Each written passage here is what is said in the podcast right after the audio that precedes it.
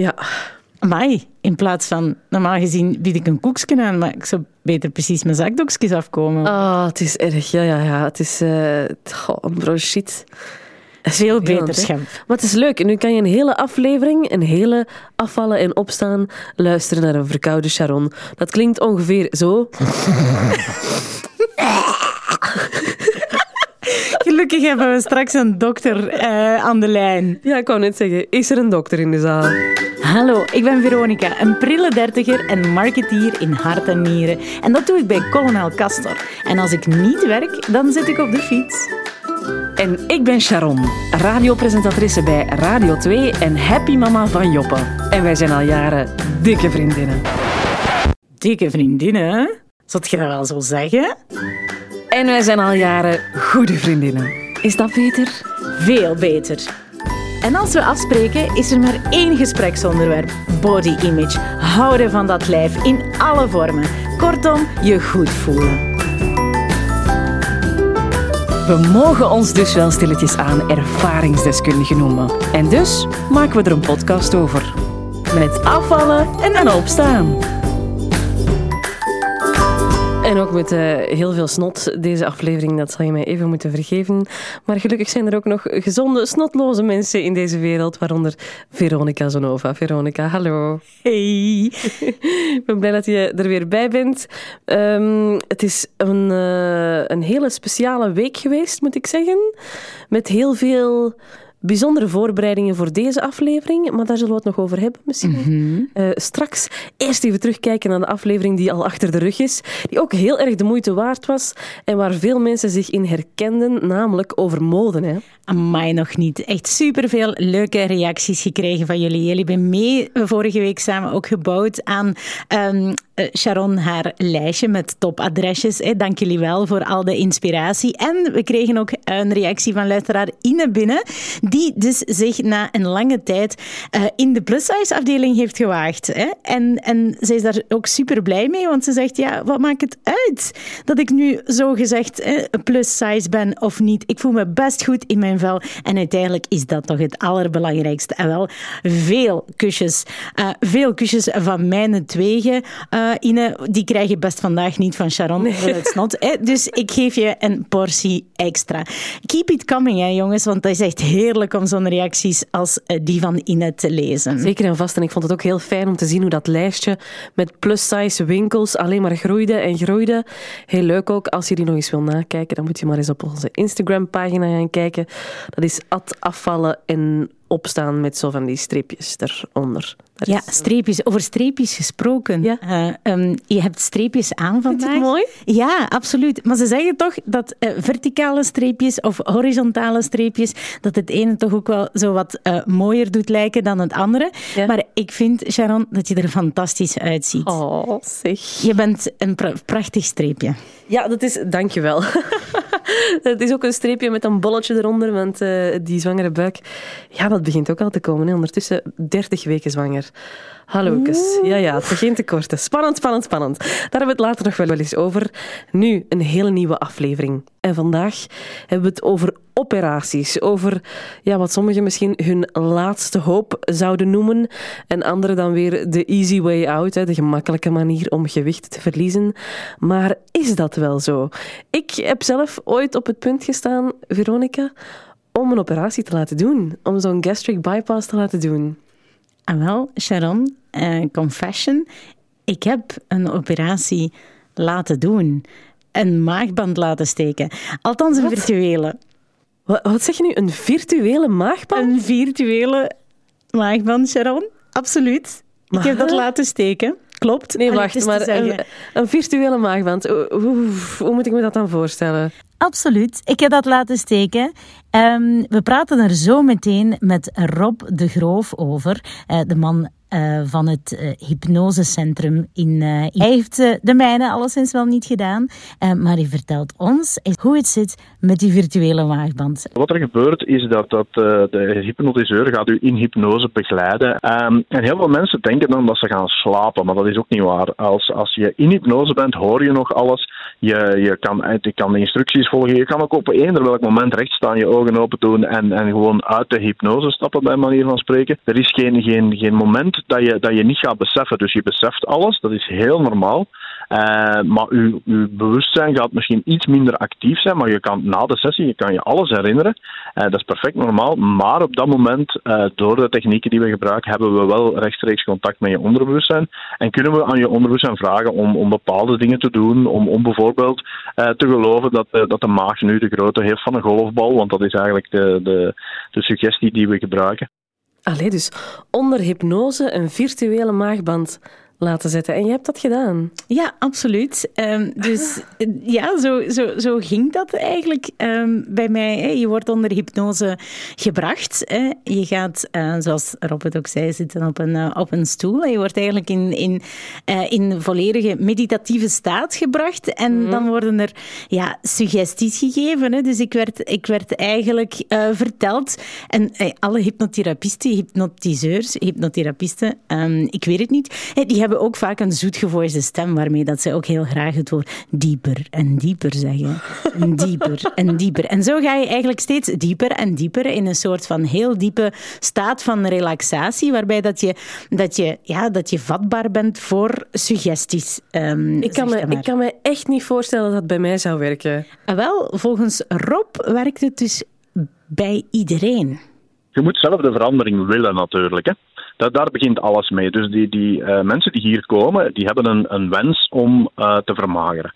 Ja? Dus die gaan daar wel voor openstaan natuurlijk. Ja? Die, die, die, die staan open voor uh, de verandering. Zolang als jij de instructies volgt, gaat iedereen in hypnose. Iedereen is hypnotiseerbaar. Maar je moet natuurlijk willen in hypnose gaan. En daar begint alles bij. En heeft dat dan gewerkt voor jou, Veronica? Wel, ik heb de instructies niet gevolgd. Zo gaat dat met instructies natuurlijk. Had ik de instructies van mijn uh, diëtist gevolgd, dan was ik nu ook al tien keer, tien keer slank geworden. Dus de rebel in jou heeft gezegd, boah, het is niet zo belangrijk, of wat? En wel, blijkbaar is het, is het onderhouden van, uh, van die suggesties en die suggesties ook blijven krijgen en, en, en eigenlijk af en toe teruggaan naar die meditatieve staat wel belangrijk. En uh, Rob vertelde het volgende hierover.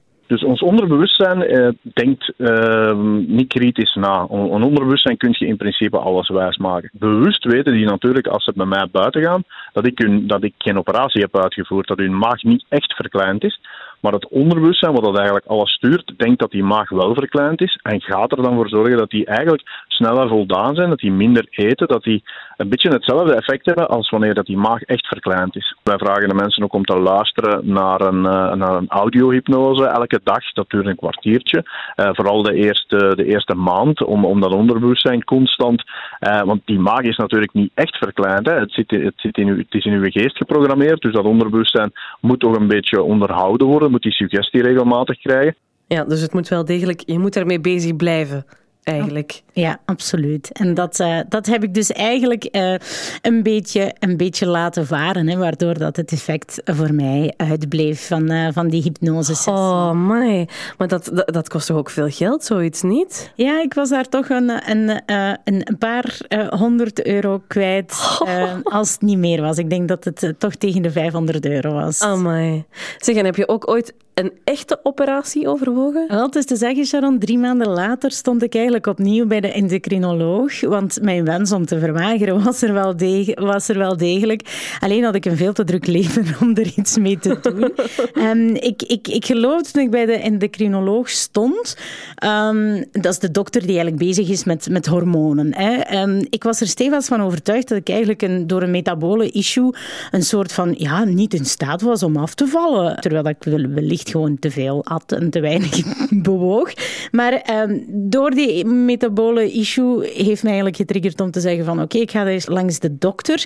En die dokter heeft vastgesteld, eigenlijk weeg je te weinig uh, om in, aanraking te in, in aanmerking te komen voor een, voor een uh, terugbetaling van zo'n uh, operatieve verwijdering van een stuk darm of, en of een sleeve, een maagband. En ik was toen wel ontzettend hard teleurgesteld. Hè. Toen, ja, toen ik die deksel op de neus kreeg van eerst ben je, ben je 500 euro kwijt dan een virtueel variant. En een echt variant, ja, die willen ze niet steken. Bij wijze van spreken. Enfin, althans, althans niet, uh, niet op, uh, op, een, op een manier waarop dat het voor de dokter te verantwoorden was. Ik kon het dat natuurlijk altijd wel laten steken, maar dan diende ik het zelf te betalen. En ja. 6000 euro had ik nu net niet, uh, net niet op overschot. En, um, maar ik herinner mij wel, de emotie die mij op dat moment wel overviel, is dat ik dat ik wel ontzettend hard het gevoel had van oh, ik wil er gewoon vanaf zijn. Ik ben niet meer bezig zijn met het afvallen en met dat gewicht. En met, ja, dat, dat herkende ik ook wel. Dat heb ik op een gegeven moment ook gehad. Dat punt dat je denkt van het is genoeg geweest. Nu wil ik niet meer dat het mij nog bezighoudt. Dat ik er nog zo heel de, heel de dag over, of regelmatig toch mee moet bezig zijn. Ja, dat begrijp ik wel. Just give me a way out. Ja, maar nogthans, zo'n uh, ja, zo'n operatie, een gastric bypass of een sleeve of een maagring of wat heb je tegenwoordig nog allemaal, dat is dus echt geen easy way out. Hè. Ik denk, denk dat bij heel veel mensen dat taboe nog bestaat, dat ze denken, oh, als je geen karakter hebt, dan laat ik me maar opereren. Maar ik heb daarover gepraat met Bart Gijpen. En Bart die is um, eigenlijk verantwoordelijke van het obesitascentrum uh, in het Stuivenberg ziekenhuis in Antwerpen. En hij zegt toch ook, ja, het is echt geen gemakkelijke manier van afvallen hoor. Wat ik eigenlijk doe, zeg ik altijd tegen de mensen, is een soort van een technisch trucje toepassen, waardoor dat je eigenlijk een bepaald soort van een dieet gemakkelijker en langduriger kan volgen. Maar het is natuurlijk aan de patiënt zelf um, om, om, dat, om dat goed op te volgen en daarmee bezig te zijn op actieve wijze. Het belangrijkste wat wij eigenlijk doen op de eerste raadpleging, dat we die mensen zien, is toch om, laten we zeggen, de verantwoordelijkheid, nog altijd klinkt vreemd, maar om de verantwoordelijkheid toch bij de patiënt zelf te laten. Uh, want sommige mensen ja, gaan eigenlijk met het probleem komen om te zeggen van ja, ik heb jarenlang wat geprobeerd, het is me niet gelukt, dus kan je dat oplossen voor mij? En dan is het antwoord erop van goed, we gaan dat helpen om, om dat te doen, maar we gaan dat wel allemaal samen doen natuurlijk. Hè. Dat is toch wel opvallend, hè? Dus niet alleen mensen Um, niet alleen in het beeld van mensen lijkt het zo alsof je dan voor de gemakkelijke oplossing kiest, maar heel vaak denken patiënten of mensen die erover nadenken om die operatie te laten doen, toch ook nog, voilà, doe het maar, dan ben ik er vanaf. Hè? Ja, ja, absoluut. En ik, ik, ik, kan, ik kan echt wel uh, met, uh, met twee voeten op de grond wel toegeven dat ik, dat ik mij heb ook wel laten meeslepen in, in, in deze stelling eigenlijk. Ja. Volgens Bart is het voor alle duidelijkheid dat niet, maar wel moet je het bekijken als een soort van ja, uh, resetknop. Een resetknop in de zin van, van voeding zeker en vast wel. Het is zo dat met een operatieve ingreep dat je toch vrij gegarandeerd gedurende het eerste jaar gaat afvallen. Dat is zeker en vast zo. En, en wat we eigenlijk doen met die operaties, dat is mensen over een heel moeilijke tijdspan heen trekken. In het voorbeeld wat ik daar juist gaf, stel dat een persoon 40 kilogram te veel uh, weegt en die moet op eigen houtje gaan afvallen. Als je wiskundig gaat berekenen dan, uh, en je zou een, een, een, dieet volgen van ongeveer een calorie of duizend dat je per, per dag zou uitsparen, dan ga je eigenlijk een jaar op dieet zijn om 40 kilogram zelf af te vallen. Ja, er bestaat zoiets als een yo-yo-effect. Mensen kunnen dat een, een tijd goed volhouden, maar, maar dikwijls dan, dan hapert dat toch ergens en dan gaan ze toch weer terug bijkomen. Ja, een ingreep is eigenlijk een soort van een, een ruggensteun die dat ervoor gaat zorgen dat je dat toch eigenlijk makkelijker kunt volgen. Ja, dus het is wel iets helemaal anders dan dat sommige mensen denken natuurlijk. Hè? Ik heb wel de indruk dat Bart um, ook wel uh, heel goed begrijpt dat de struggle wel, wel heel hard aanwezig is. Dat, dat het echt een, uh, om een groot aantal kilo's uh, te gaan verliezen, toch ook wel een, een, letterlijk een gevecht blijft tegen, tegen de kilo's voor, voor jaren. Ja. Ik voel me wel ergens getroost door, door, door Bart nu dat hij dat, hij dat wel begrijpt. Um, Ja, dus fijn inderdaad dat hij dat ook, ja, dat inzicht toch heeft. Ik denk dat dat ook heel belangrijk is als je in die obesitaskliniek werkt.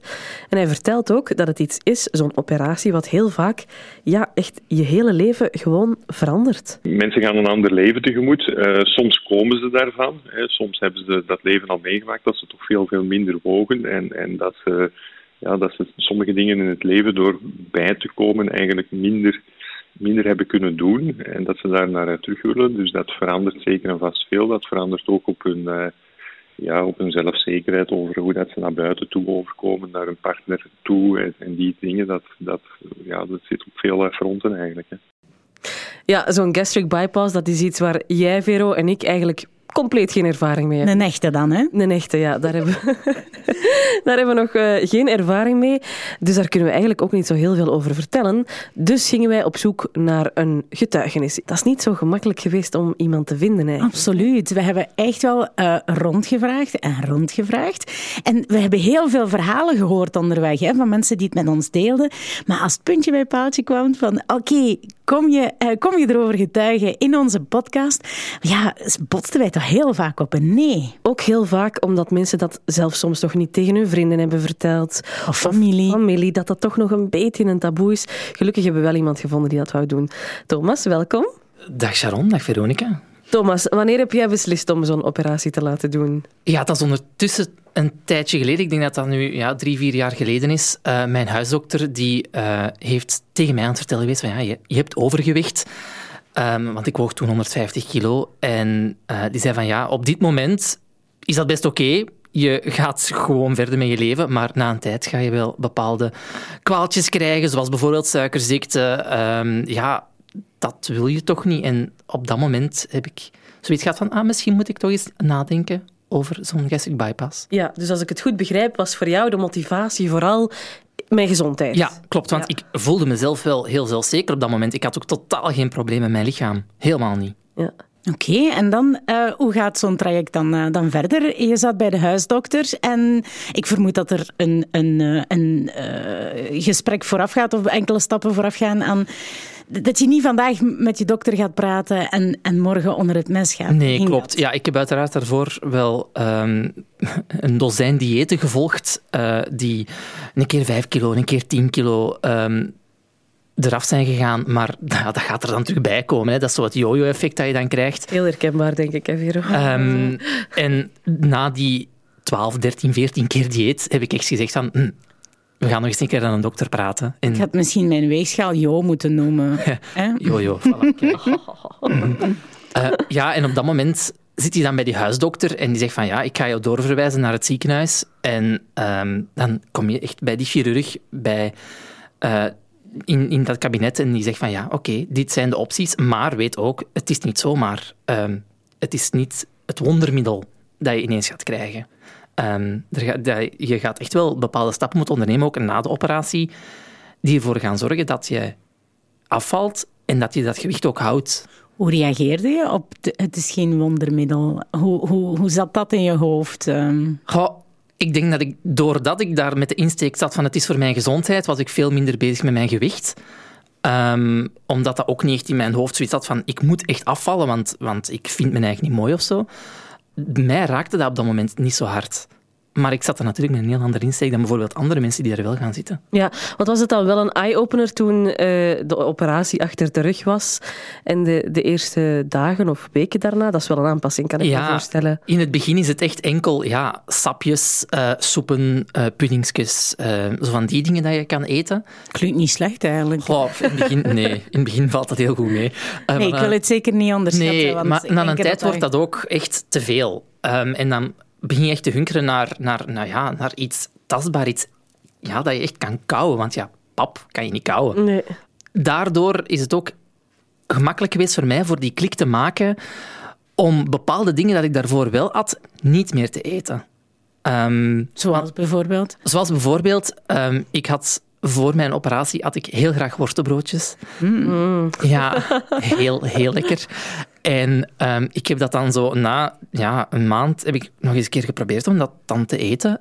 En dat ging niet. Dat kwam daar te uit. En Ah, dat komt er echt terug uit. Ja, ja, mijn maag had echt zoiets van, oh, maatke, gaan we niet doen, hè? Doet, doet, doet, doet hij dat ook met een salade geitenkaas bijvoorbeeld? Of, eh, Ehm, op dat moment niet.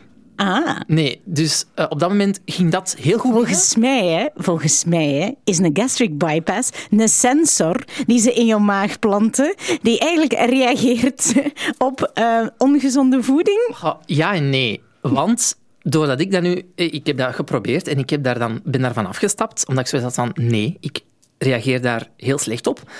Maar als je dat blijft doen, of je doet dat later in het proces, dan ga je dat wel kunnen eten, omdat jouw maag natuurlijk al wat gesetteld is en wat meer aan kan.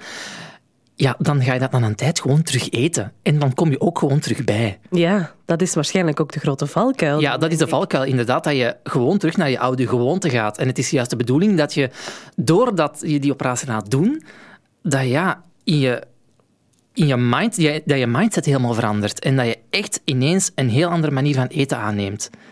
Hoe is dat nog, veran- hoe is dat nog veranderd, jouw, jouw, jouw mindset omtrent eten en jouw voedingsgewoontes? Ehm, ja, laat ons zeggen dat ik net iets meer groente eet dan daarvoor. Ehm, want ik was echt een hele slechte eter. Maar echt pizza, ehm, chips, ehm, hamburgers, worstenbroodjes, alles wat dat je kan opnoemen wat slecht is, dat had ik.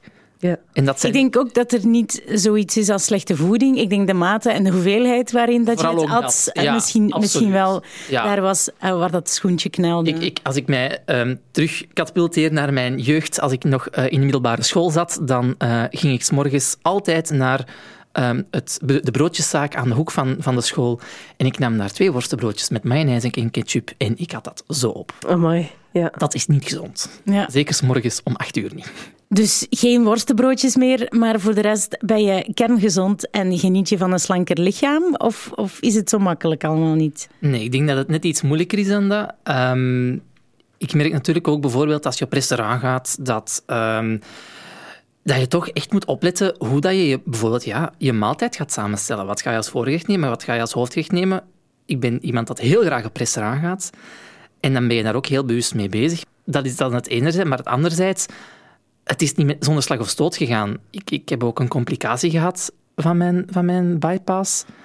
Ehm, ik heb daar een maagsfeer aan overgehouden. Ehm, ja, in september eh, dit jaar. Ik heb daar dan even mee rond blijven lopen, omdat ja, ik moest blijven werken. Ik kon niet, allee, ik kon niet op dat moment onder het mes gaan. Dus ik ben in november onder het mes gegaan. Ehm, is dan toch voor één ding de coronapandemie goed, want ik zat technisch werkloos thuis. Ehm, dan merk je wel van, het is niet zomaar iets dat je doet. Je kan er echt nog wel dingen aan overhouden en het blijft ook die struggle waar je continu mee blijft, want je blijft nog altijd die goestingsjes hebben en je blijft nog altijd die... Dus eigenlijk mensen die, die, die zeggen van, ah, oké, misschien is het een, een, een easy way out. Nee, waar, Dat je, waar dat je uiteindelijk strandt is, is blijvend erop letten. Dus Ja. als je, als je, als je soelaas zoekt voor het niet meer moeten opletten, ja, dan, dan verandert dat eigenlijk totaal, totaal niet. Nee, het Integendeel. geeft, het geeft jou wel een nieuwe kans. Het geeft jou een nieuwe kans om jouw leven volledig op een andere manier aan te pakken. Je gaat afvallen, sowieso van in het begin. Ga je 20, 25, 30 kilo afvallen. Sowieso. Maar dan is het het punt om jouw leven op een andere manier aan te pakken en ervoor te zorgen dat die 20, 25, 30 kilo daar ook afblijven. Want ik, Hoeveel kan, ben je eigenlijk afgevallen? ik ben 75 kilo afgevallen. Dat, Oh, 75 kilo, Ja. dat is een volledig persoon. hè. Ja, want ik weeg nu 75 kilo. Dus ja, dat is inderdaad de helft van mezelf. Ja, ongelooflijk. Je bent de helft van jezelf. Ja. Hoe heeft het jouw leven veranderd? Ehm, ja, op, op professionele manier bijvoorbeeld heeft het natuurlijk wel wat veranderd. Ehm, je wordt anders bekeken door eh, potentiële werkgevers. Hoezo? Hoezo? Ja, om, om, om, om een voorbeeldje te geven. Vroeger, als ik nog dikker was, werkte ik bij een supermarktketen en de eerste vraag dat ze mij stelden op het sollicitatiegesprek was ga je dat fysiek aankunnen? Want het is wel een fysiek zware job. Ja. ja, waar ik toen het ja op heb moeten antwoorden, want ik heb daar dan ook een tijdje gewerkt. En nu tijdens eh, dat ik nu tijd heb, ben, ben ik aan het flexijobben in een supermarkt. En toen dat ik daar de eerste keer kwam, is die vraag totaal niet gesteld. Omdat ik geen overgewicht meer heb. En dan is dat wel frappant dat ze daar dan toch wel naar kijken. ja, dat is dan toch weer het beeld van iemand die wat meer gewicht heeft, zal een minder goede conditie hebben dan iemand die ja, er. Ja, het is gek dat je daarvoor moet, uh, moeten verantwoorden. Ja. Het, is een, het, is een, beetje als een vrouw die zich moet verantwoorden voor... Ah, hoe ga jij zorgen voor uh, twee kinderen? Hoe, hoe, combineert je dat met je kinderen? Ja, ja Oké, okay, maar dat is een andere podcast topic. Professioneel heeft het, heeft het het een en het ander veranderd. Um, zijn er nog andere domeinen van je leven waar dat je een verandering hebt aangevoeld? Um, goh, ja... Ja nee. Ik, ik, ik had een, een, een heel goede relatie toen ik begon aan mijn um, gastric bypass en toen ik die heb laten zetten. Um, en door verschillende redenen, ik kan niet zeggen dat het enkel die gastric bypass is, door verschillende redenen um, is daar een einde aan gekomen. Dat is jammer, maar dat nemen we dan ook weer mee naar de toekomst, om daar dan weer een ander verhaal aan te breiden. Misschien heeft uh, na het stopzetten van je, van je relatie, ben je op, op, opnieuw op, uh, op, op, op, op de hunt gegaan, zeg maar. Denk je dat het daar een impact heeft gehad op hoeveel pixels dat je foto innam op Tinder? um, dat, ja, mensen zijn echt oppervlakkig, heb ik gemerkt. Inderdaad, mensen gaan nu echt kijken van oh, hm, ziet er goed uit. Ja, die is smal. We gaan er eens een keer iets tegen zeggen. Um, dus je ligt beter in de markt dan, dan ervoor? Ja, ja, dat wel. En dat is een fijn gevoel, maar um, ja, het, het, ik was sowieso al zelfzeker hiervoor. Dus dat heeft bij mij eigenlijk niet zoveel impact gehad. En, en makkelijker kleren kopen? Ja, dat wel, hè. het, het, maakt... Ja, ik, ik, ik, draag nu een medium, dus dat is zo ja, heel makkelijk om daar nog kleren in te vinden. Maar hoe zou dat voelen? Als je die discussie wil volgen, dan moet je maar eens luisteren naar de vorige aflevering. Die ging over mode. Um... Want ik kan bijvoorbeeld een taille uniek, uniek aandoen. die verdomde taille uniek toch. Blijft je achtervolgen, hè, Vera? Ah. Thomas, nog uh, een laatste belangrijke vraag. Hou jij nu meer van jezelf of van je lichaam dan dat je voor de operatie deed? Uh, het is compleet hetzelfde. Ik ga echt niet zeggen dat het beter of slechter is. Uh, ik was heel zelfzeker. Um, voor de operatie was ik heel zelfzeker. Nu ben ik heel zelfzeker. Ik had ook helemaal geen struggle met mijn lichaam. Het was echt puur voor de gezondheid dat ik het gedaan heb. Dus je bent dezelfde man, maar gewoon gezonder nu? Maar 75 kilo lichter. Ja, inderdaad. En gezonder. Goh, dat is een mooi staaltje van zelfliefde, denk je dan, hè, Veronica? Daar wordt mijn hartje warm van. dat is mooi om mee te eindigen, denk ik. Weet je waar mijn hartje nog super warm van loopt? Vertel het eens. Dat zijn jullie fantastische reacties. um, alles wat dat wij binnenkrijgen op, uh, op de social media's, uh, allee, het is te zeggen op Instagram, ja, dat is echt om, uh, om, ja, om, om, om blij van te worden. Hè. So keep it coming. Het is absoluut een warme oproep.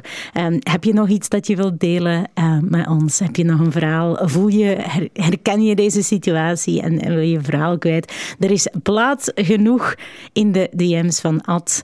Uh, afvallen underscore en underscore opstaan. Ja, of vragen voor ons misschien. Misschien wil je ons eens iets vragen. Mag ook altijd, hè? Ja. Als ik nog maar nadenk over de aflevering van volgende week, Veronica, dan begin ik al een klein beetje te zweten, om heel eerlijk te zijn. En terecht, Sharon. Wat heb je nodig voor volgende week? Is uh, je flesje water en je yogamatje, want we gaan het hebben over sport.